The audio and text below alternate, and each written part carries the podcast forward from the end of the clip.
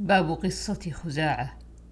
عن أبي هريرة رضي الله عنه أن رسول الله صلى الله عليه وسلم قال عمرو بن لحي ابن قماعة بن خندف أبو خزاعة.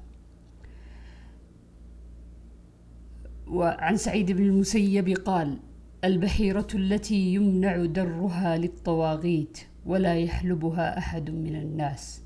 والسائبة التي كانوا يسيبونها لآلهتهم فلا يحمل عليها شيء.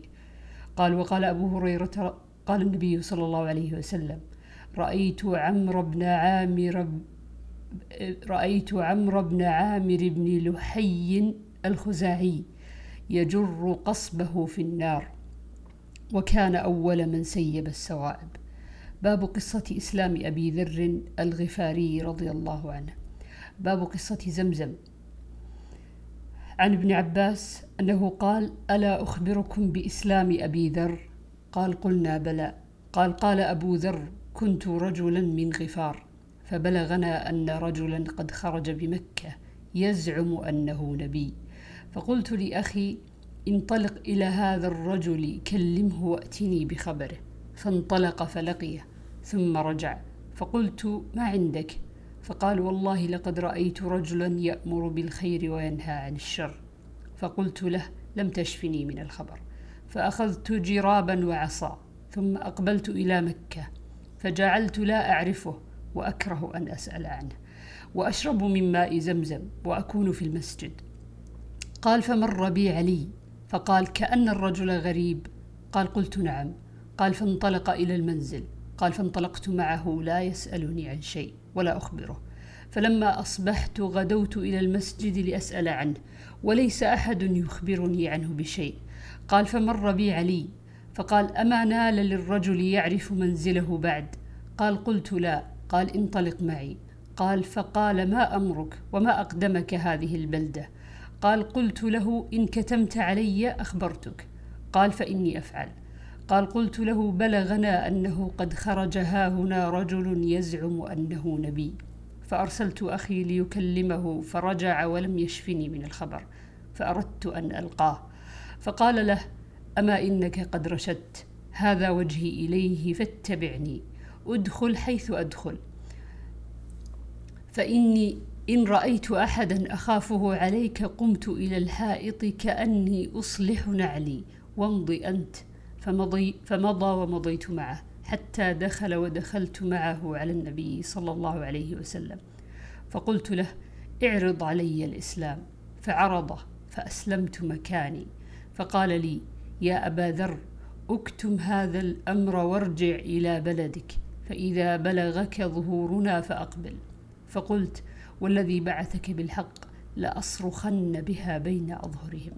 فجاء إلى المسجد وقريش فيه فقال يا معشر قريش إني أشهد أن لا إله إلا الله وأشهد أن محمدا عبده ورسوله. فقالوا قوموا إلى هذا الصابع. فقاموا فضربت لأموت فأدركني العباس فأكب علي ثم أقبل عليهم.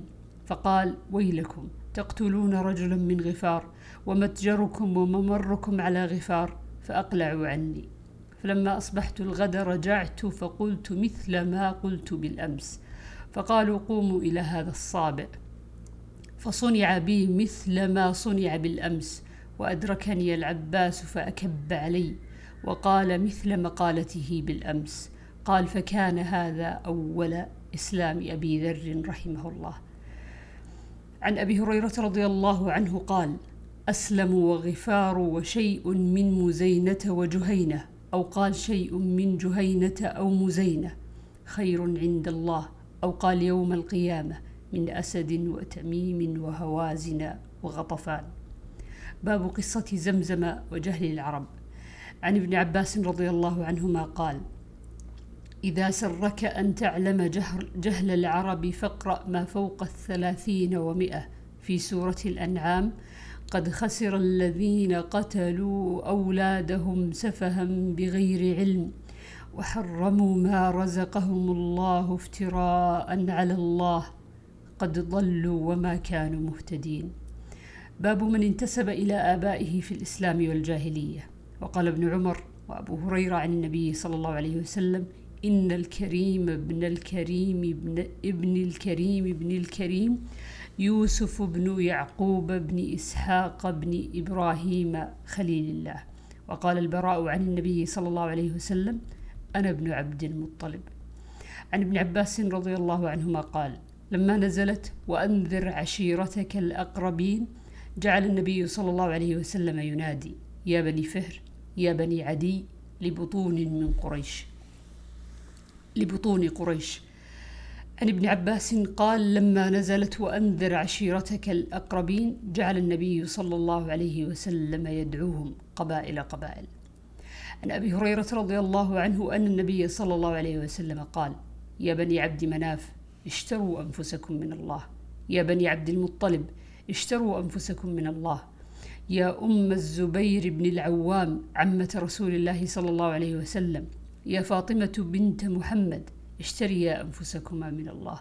لا أملك لكما من الله شيئا. سلاني من مالي ما شئتما.